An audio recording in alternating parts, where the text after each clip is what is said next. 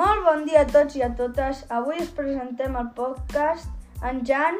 i l'Eric.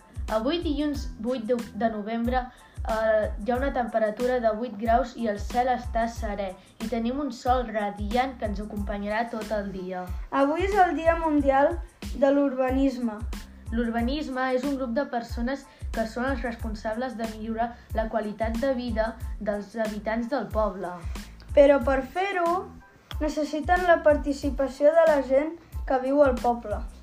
Per exemple, s'encarreguen de que hi hagi més zones verdes, Més parcs, més transport públic, que si hi han fanals trencats a arreglar-los, de recollir les deixalles, fan molt bona feina.